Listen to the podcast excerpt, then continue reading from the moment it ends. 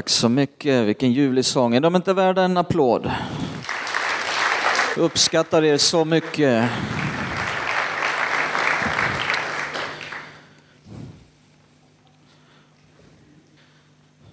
Tack Jesus. Härligt. Jag vill också bara säga angående Connection, det är första gången vi gör det här. Det kan vara någon som känner att de inte riktigt vet vad det kommer att vara för någonting. Eh, kanske att någon tänker att ja, det här kanske är för ungdomar eller för yngre. Och eh, allt är ju relativt. Så det beror på vad man menar med yngre. Ibland hör jag eh, vissa som kallar de här som är runt 50-strecket för ungdomar. Så allt är ju relativt. Ungdomarna. Så det, det, är härligt. Jag tycker, jag tycker det, det, det är fint. Säger det med glimten i ögat. Ehm, eh, connection är inte för ungdomar eller för yngre. Även om vi nu har sagt att eh, Reclaim kör vi inte i oktober utan vi uppmuntrar grupper runt omkring i regionen att vara med. Så är det ändå inte någonting som är för, för liksom, eh, specialiserat för tonåringar. Utan vi vill sikta väldigt brett, så brett vi bara kan. Ehm, vi vill eh, skapa någonting där den icke-kristne 57-åringen känner sig lika hemma som eh, 30-åringen. Det är naturligtvis en utmaning. Men vi får inte glömma bort att de som är runt 60 idag, som inte brukar gå i kyrkan, de växte upp med Rolling Stones och Jimi Hendrix, Janis Joplin. Så det ska vara eh, ganska märkligt om de ska känna att det här var helt orelevant. Eh, de är ju, och tittar man på de där Rolling Stones-gubbarna, de är ju mellan 60 och 70 idag. Så mm, det, det kanske inte är sån gigantisk skillnad faktiskt som man ibland tror mellan en 57-åring och en 27-åring i vad man tar in, eh, låter sig underhållas på tv och allt möjligt sånt där. Så att, eh, det är lite grann så vi tänker. Vi vill eh, sikta så brett vi bara kan. Och göra likadant fredag, lördag, söndag. Det är ingen skillnad utan vi kör ungefär samma program, samma inriktning. Nu ska vi slå upp våra biblar till psalm 144. Psalm 144.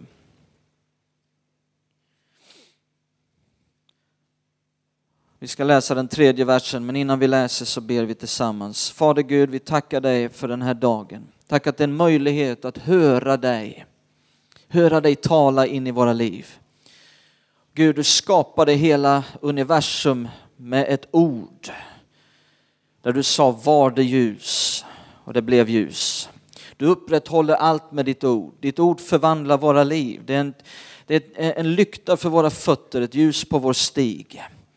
Jag ber att du ska genom din heliga Ande lysa upp hela vårt inre så att vi kan vandra på den väg du har för oss som leder till glädje, som leder till frid, som leder till frihet och tillfredsställelse och frälsning och räddning eh, och som leder hela vägen in i himlen. Vi ber Fader att du ska tala till oss genom den heliga Ande. Jag ber för mig själv, jag ber för tolkarna som tolkar idag, att vi ska bara få vara en enda kanal ifrån dig till varje människa. I Jesu namn. Amen. Psalm 144 och eh, den tredje versen så står det Herre, vad är en människa att du bryr dig om henne? En människoson att du tänker på honom. Eh, jag stod i en gudstjänst för ett par år sedan och i lovsången medan vi tillbad Herren så hörde jag de här orden. Vem bryr sig? Vem bryr sig? Och det där levde kvar i mig och så kom en, en, en, eh, ett budskap som jag upplevde kom och föddes fram från den helige ande. Eh, här har vi en vers där David, eh, eh han är full av förundran att Gud bryr sig. Vad är en människa att du bryr dig? Eh, David kunde konstatera att Gud brydde sig om honom. Eh, och det är fantastiskt att trots vår litenhet i världsalltet så bryr sig Gud så oerhört om varje människa. Det är fantastiskt. Och vi blir också fyllda av förundran precis som David.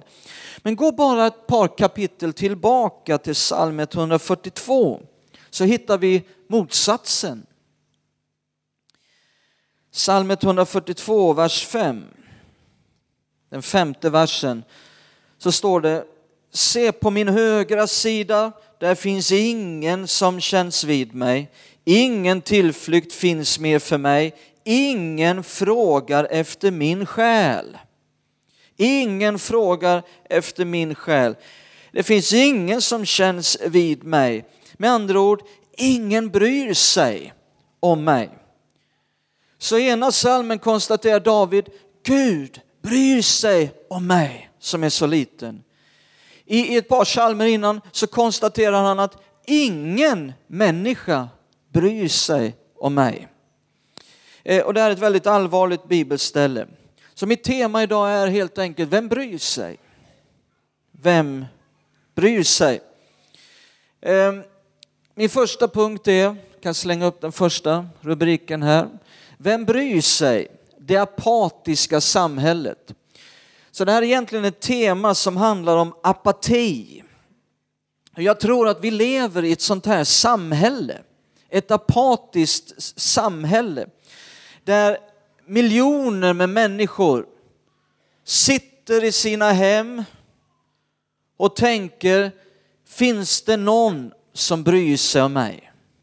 Ingen finns som bryr sig om mig. Om jag lever eller dör, vem bryr sig om det? Och det ledsamma är att det är sant. Miljontals människor finns där ute i ett samhälle som ofta kännetecknas av att vara kallt, hjärtlöst, likgiltigt, apatiskt. Miljontals människor finns där ute som ingen bryr sig om. Om de lever eller dör, det är ingen som bryr sig om det. Till och med familj och, och, och släkt kan bli så upptagna med sina egna liv att de egentligen inte bryr sig på ett sant och verkligt sätt. Att det känns så, det upplevs så. Har du någonsin tänkt på hur ofta den här frasen kommer tillbaka? Vem bryr sig? Hur ofta hör vi inte den här frasen? Vem bryr sig? Jag gjorde en liten research, eh, studerade Eh, eh, eh, en hel del och hittade mängder med tidningsrubriker som hade den här frasen med i själva rubriken på artikeln. Vem bryr sig? Någonting och så vem bryr sig? Och, och det här är nu under en, en, några års tid som de här tidningsrubrikerna har varit. Men låt mig bara eh nämna några. Så här, så här står det i, i diverse olika tidningsrubriker. EU-valet. Vem bryr sig? Försäkringskassans kris. Vem bryr sig? Kampanj mot nedskräpning. Vem bryr sig? Står det i en tidning. Linda Rosing flydde från sitt kalas. Vem bryr sig?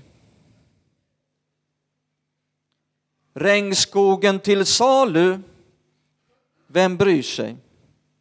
Fritids. Vem bryr sig? Svenska filmskapare. Vem bryr sig? Alzheimers sjukdom. Vem bryr sig? Lite mer allvarligt. De gamla. Vem bryr sig? Forskningen. Vem bryr sig? Om journalistiken om tio år, vem bryr sig? Sveriges nationaldag, vem bryr sig? Jorden är döende, vem bryr sig? Integrationen, vem bryr sig? SM-final i innebandy, vem bryr sig? Knarkare, vem bryr sig? Om den lilla människan, vem bryr sig? Jesus sa att i den sista tiden kommer kärleken hos de flesta att kallna. Det var det här han talade om, det apatiska samhället. Titta i Jeremia kapitel 12, en liten vers. Ett litet bibelställe som säger mycket. Jeremia 12 och vers 11.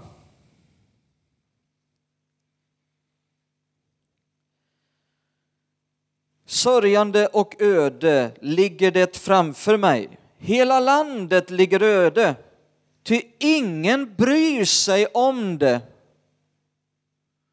Kanske att de här orden är sanna också idag.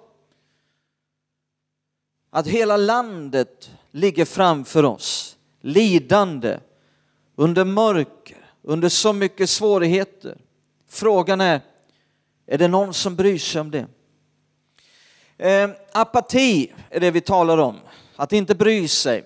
Och du vet på, på medeltiden, den medeltida kyrkan, de eh, listade ju upp de här sju dödssynderna. Kan ni dem? Nej, inte jag heller. Men en utav det, ja det finns några som kan det, det, det är duktigt. Eh, jag har läst dem några gånger men de fastnar inte riktigt för det står ju inte i Bibeln. Men de listade sju dödssynder, den medeltida kyrkan. Och det fanns säkert mycket riktigt i det och sanningar, så det är inte det jag vill tala om. Och en av dem var apati. Apatiskhet eller likgiltighet. Och studerar man det latinska ordet, det, också det grekiska ordet akedeia, så betyder det helt enkelt att inte bry sig. Och det förklarar för oss hur allvarligt det är när man slutar bry sig. Apati. Och frågan är om det är, är det bara samhället som är apatisk eller finns det för mycket apati i Guds församling? Har det krypit in där? Kärleken hos de flesta ska kallna.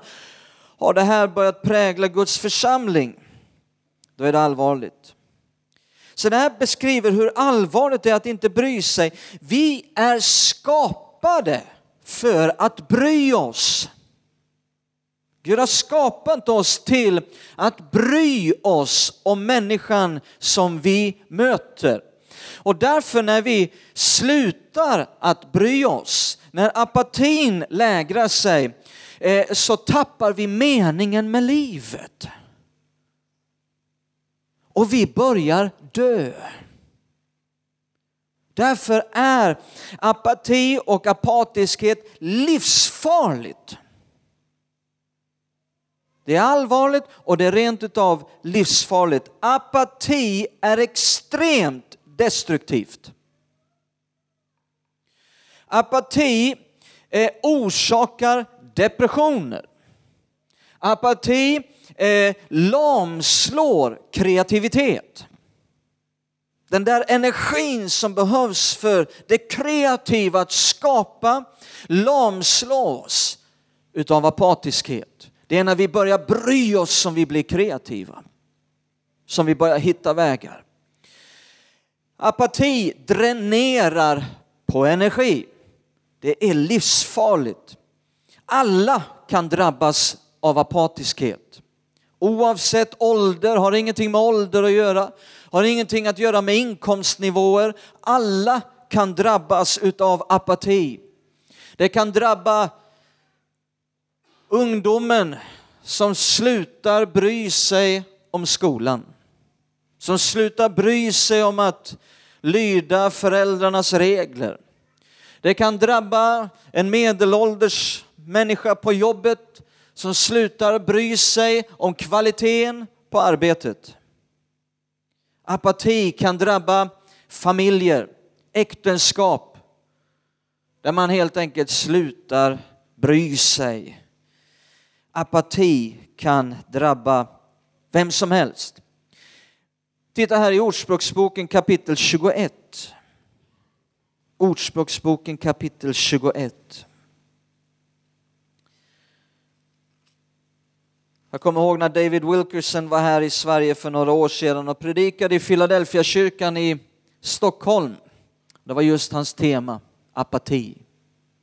Han kände att han kom med ett profetiskt budskap till Sverige. Han hade bett, han hade fastat, han ville ha ett ord ifrån Herren till Guds församling i Sverige. Och när han kom var det väldigt allvarligt och det handlade om apati. Han varnade för apati bland Guds folk i Sverige. Ordspråksboken 21 och vers 13 så står det Den som tillsluter sitt öra för den fattiges rop ska själv ropa utan att få svar. Det handlar om att inte bry sig, att tillsluta sitt öra för den fattige. Min andra punkt är människor lider och dör. Människor lider och dör. Vem bryr sig? Jag vill berätta en, eh, en sann berättelse här, en, utav, en ganska omtalad berättelse och ett omtalat fall i kriminalhistorien eh, som jag läste. Och det handlade om en kvinna, hon hette Kitty Genovese, hon finns här på bild, som mördades brutalt den 13 mars 1964.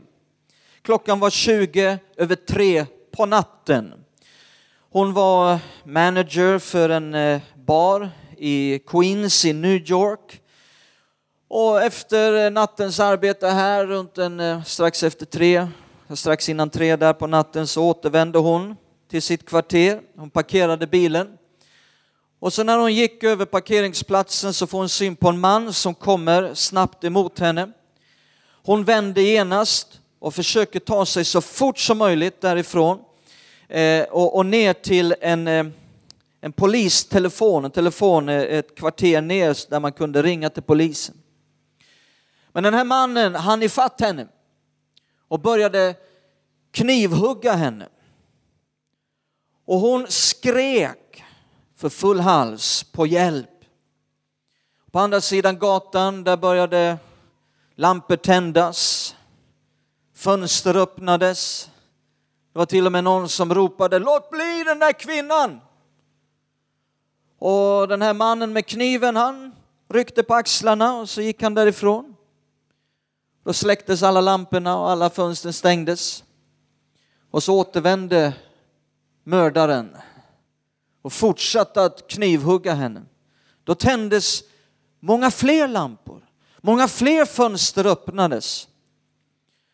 Och då gick han till bilen och åkte iväg med sin bil. Då släcktes alla lamporna, alla fönstren stängdes.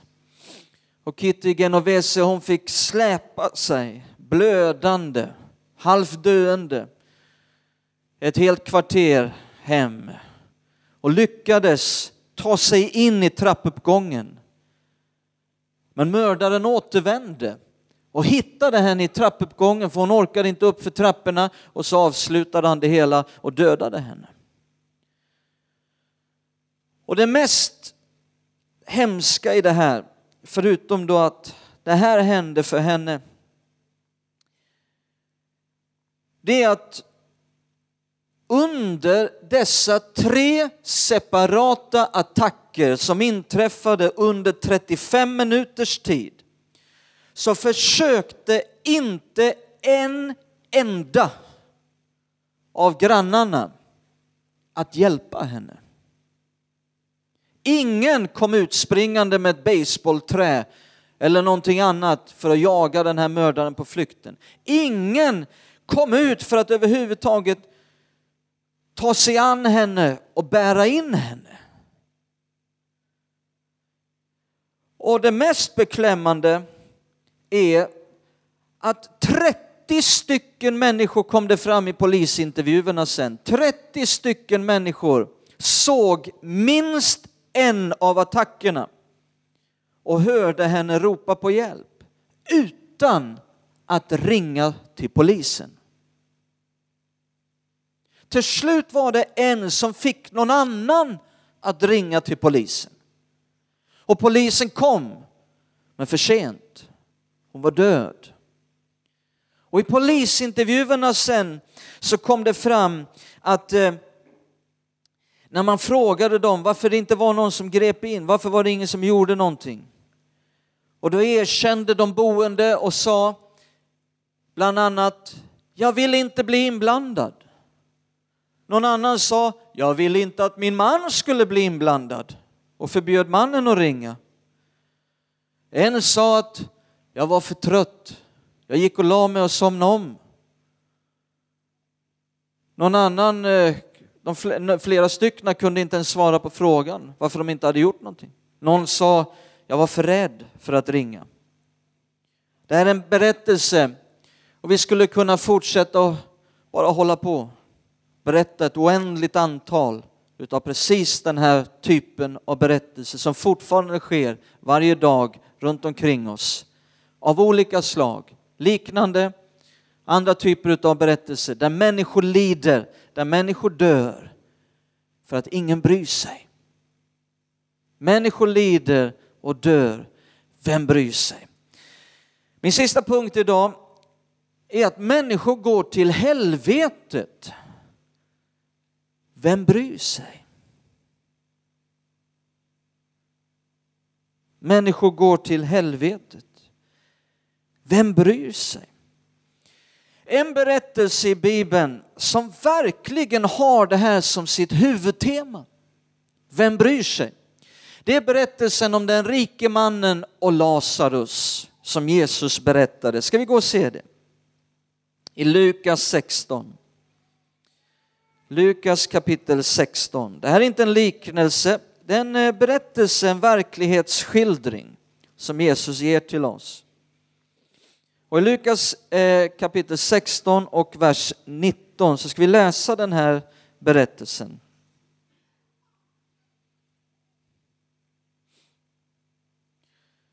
Där står det så här. Det var en rik man som klädde sig i purpur och fint linne och levde var dag i glädje och fest. Men vid hans port låg en fattig man som hette Lazarus, full av sår.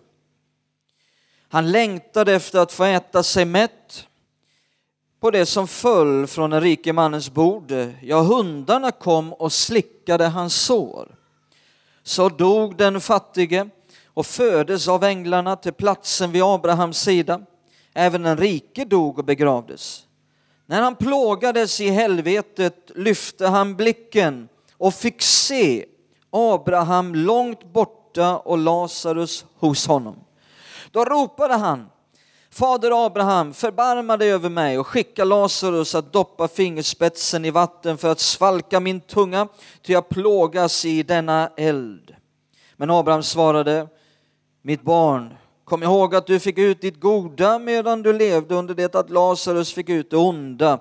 Nu får han tröst och du plåga. Och till allt detta kommer att eh, det är en stor gapande klyfta mellan oss och er. För att de som vill gå över härifrån till er inte ska kunna det eh, och för att inte heller någon därifrån eh, ska kunna komma över till oss. Den rike mannen sa, då ber jag dig fader att du skickar honom till min fars hus, det vill säga att han skulle uppstå från de döda, för att varna mina fem bröder så att eh, inte de också kommer till detta pinorum. Men Abraham sa, de har Mose och profeterna, de ska de lyssna till. Nej, fader, svarade han, om någon kommer till dem från de döda omvänder de sig. Abraham sa till honom, lyssnar de inte till Mose och profeterna kommer de inte heller att bli övertygade ens om någon uppstår från de döda. Här handlar, det, det här finns ett huvudtema i den här berättelsen och det är vem bryr sig? Vem bryr sig? En av de mest tragiska verserna i hela Bibeln hittar vi här i, den här vers, i de här verserna, i vers 23. Titta i vers 23 igen.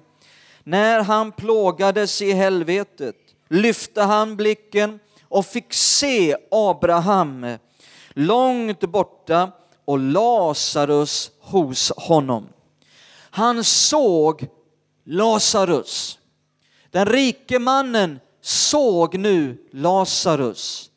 Hade han någonsin sett Lazarus tidigare?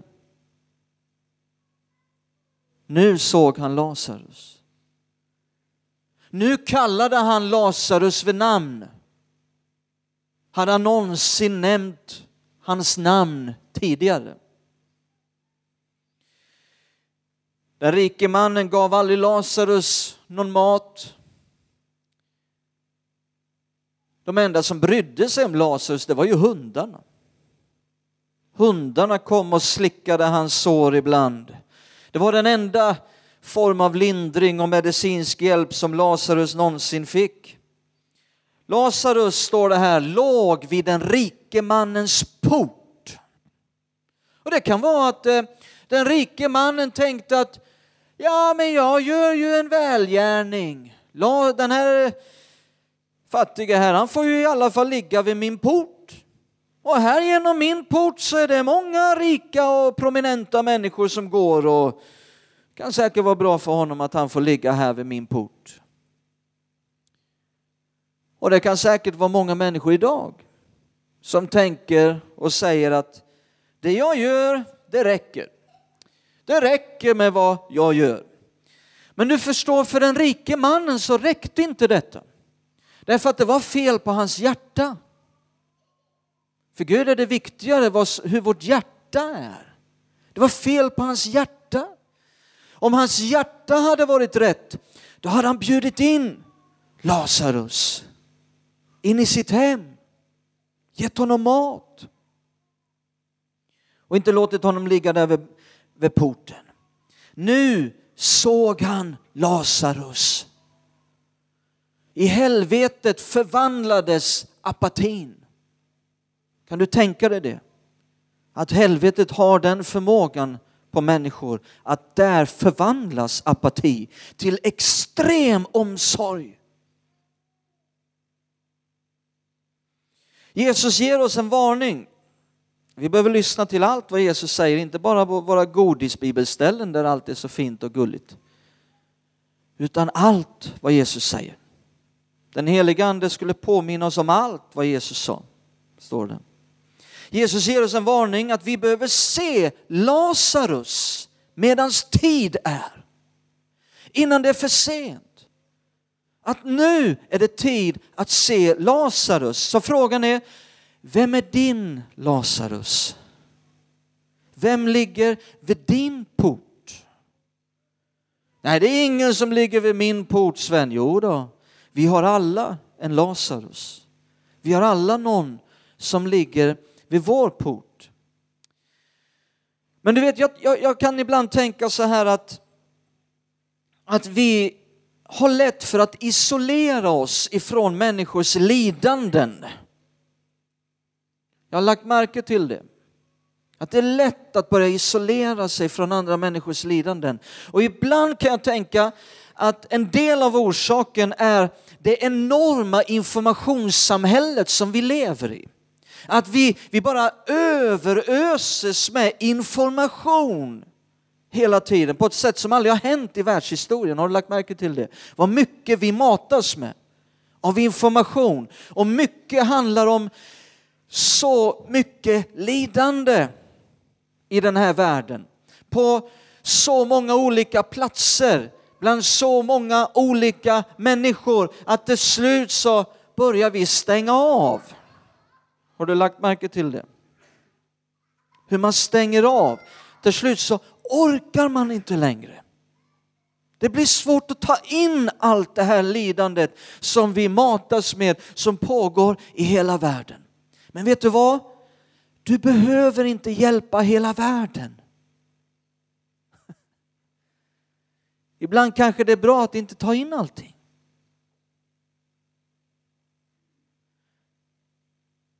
Du behöver inte hjälpa hela världen. Ingen har den kallelsen. Men vet du vad? Du kan hjälpa till i ditt kvarter. Där du bor. Din granne kanske behöver någon som bryr sig. Du kan hjälpa en.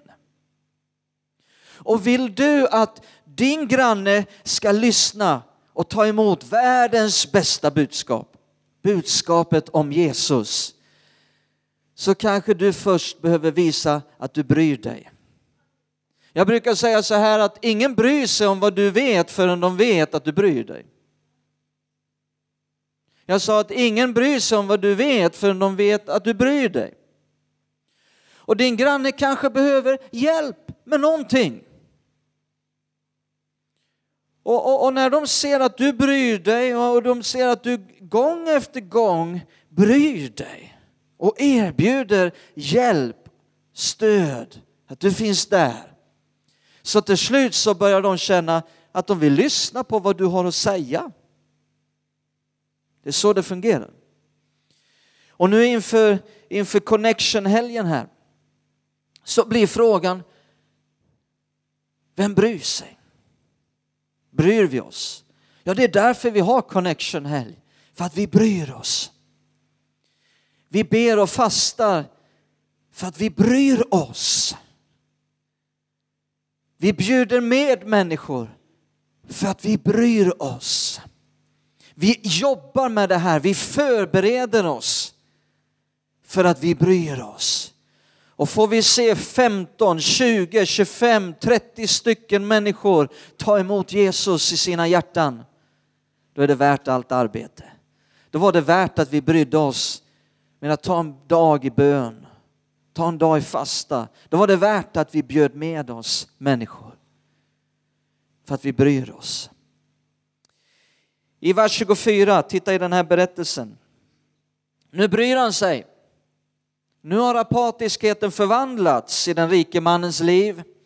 Nu har han börjat bry sig. Titta nu i vers 24. Nästa vers så står det, då ropade han. Nu ropar man.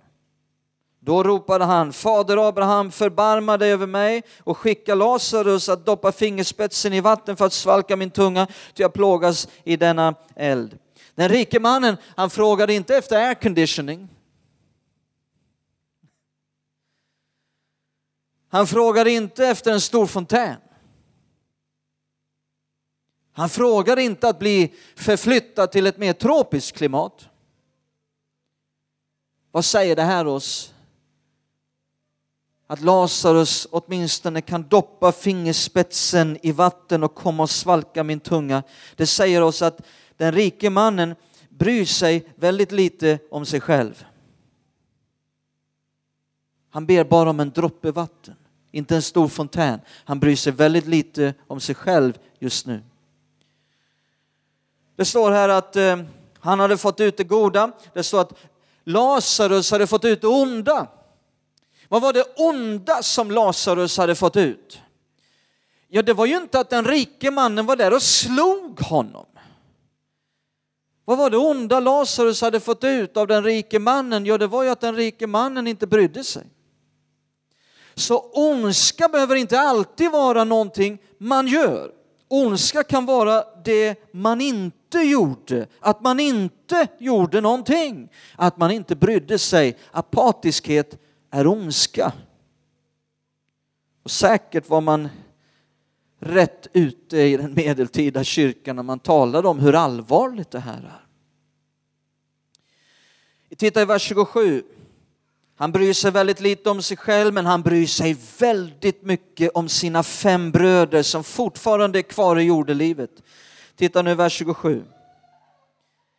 Den rike mannen sa, då ber jag dig, då ber jag. inte det förvånansvärda ord? Då ber jag. Vet du om att det finns ett bönemöte i helvetet? Han hade kanske aldrig bett på jorden. Nu började han be. Han bad med passion för de som ännu var kvar. Han bad om människors frälsning. Det är allvarligt när man väntar till man kommer dit innan man börjar be. Det finns ett bönemöte i helvetet. Under sitt, eh, vi ska läsa vers 27 nu. Den rike mannen sa, då ber jag dig fader, vadå? Att du skickar honom till min fars hus för att varna mina fem bröder så att de inte också kommer till detta pinorum. Under sitt liv, då brydde han sig inte ett skvatt om sina fem bröders andliga välmående. Människor är på väg till helvetet varje minut. Vem bryr sig? Vem bryr sig? Bryr vi oss? De i helvetet verkar bry sig. De i helvetet kanske bryr sig mer än vad de flesta kristna någonsin kommer att göra. Eller kommer i närheten utav. Jag har hört det ibland så hör man dåraktiga människor som säger ute i världen att eh, ja, om jag kommer till helvetet, jag kommer ha det så bra, jag kommer ha så mycket umgänge och det kommer... Vet du vad, de i helvetet vill inte ha några fler att umgås med. Den rike mannen vill inte det. Han vill inte ha någon mer att umgås med. Han brydde sig.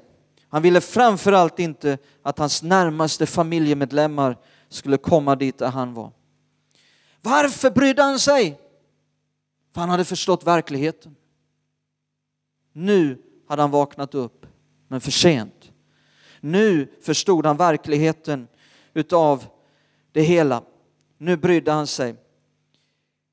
Frågan är varför är det egentligen inte tillräckligt många kristna som verkligen bryr sig om människor blir frälsta.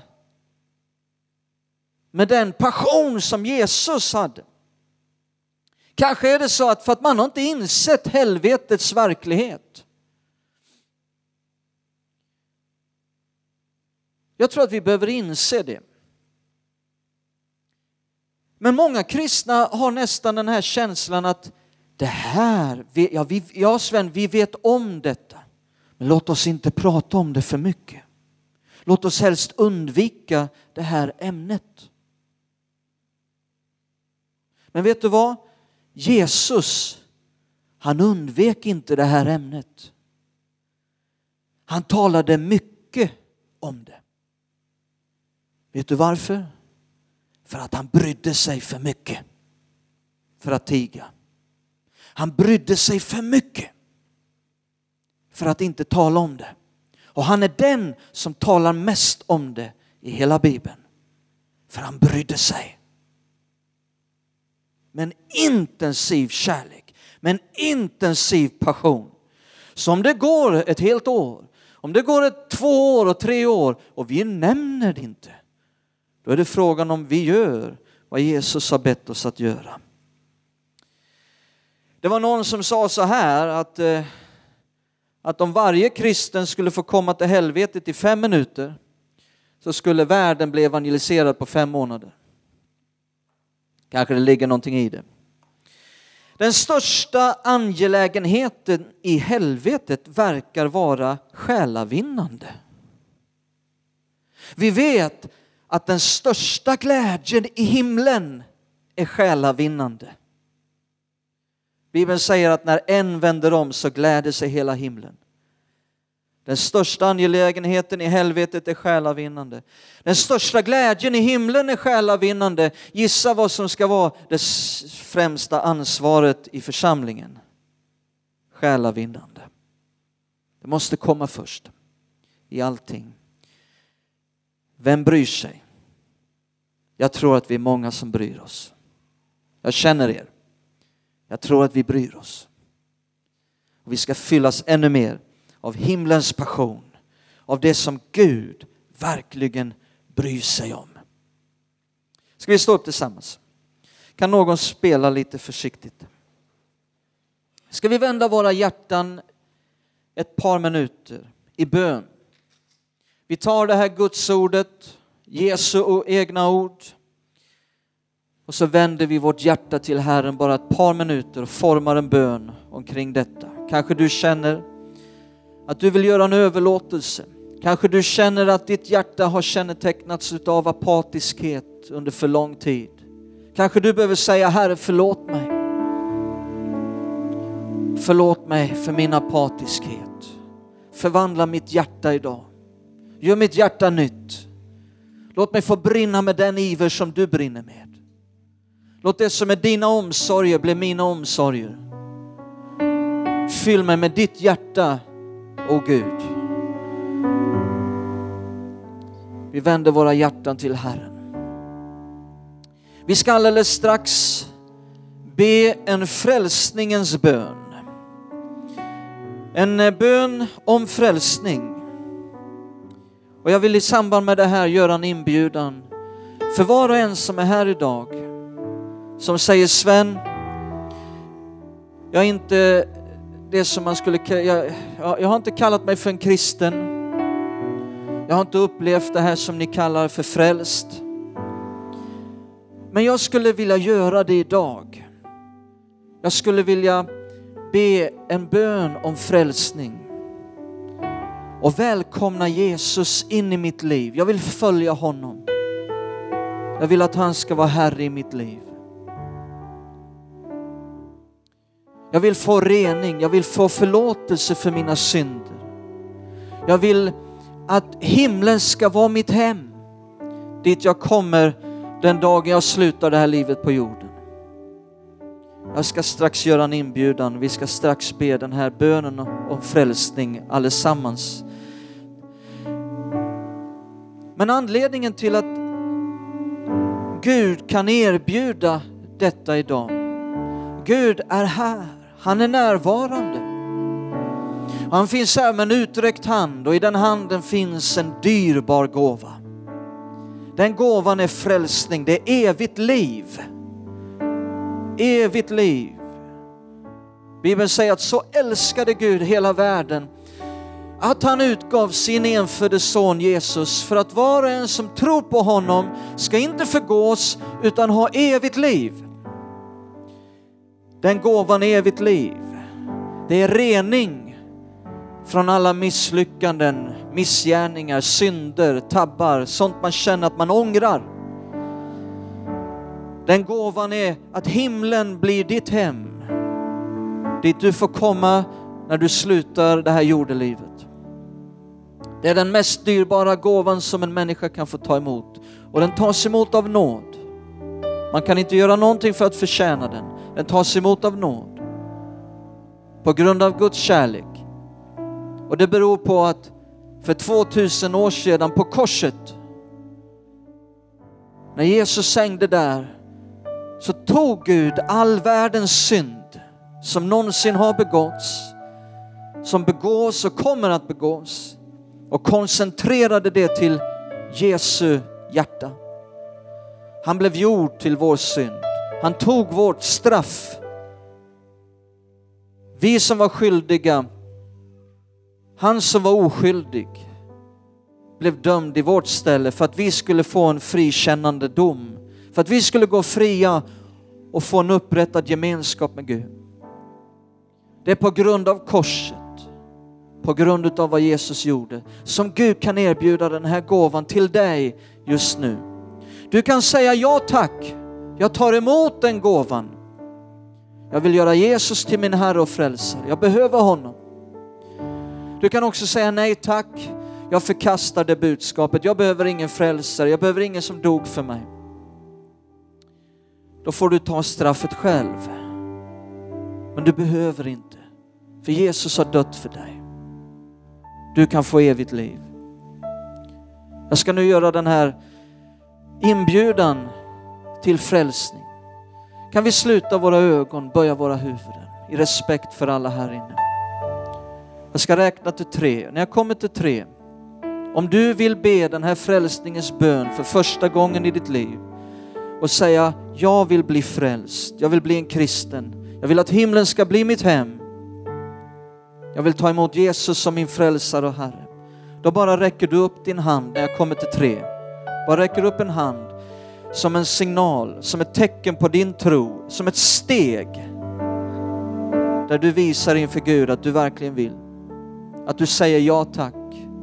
Jag räknar till tre. Ett. Gör din hand redo. Bryt med allt grupptryck. Det måste få vara du som bestämmer över din evighet. Två. Valet är ditt. Det är du som väljer. Ingen tvingar. Men vi erbjuder. Himlen erbjuder. Jesus erbjuder.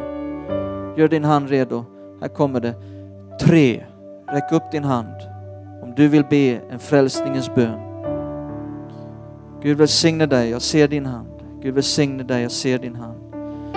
Gud välsigne er här borta i lilla salen, jag ser era händer. De är dyrbara händer inför Gud. Gud välsigne dig, jag ser din hand. Dyrbara händer som lyfts inför Gud. Bibeln säger att hela himlen gläds när en människa vänder om.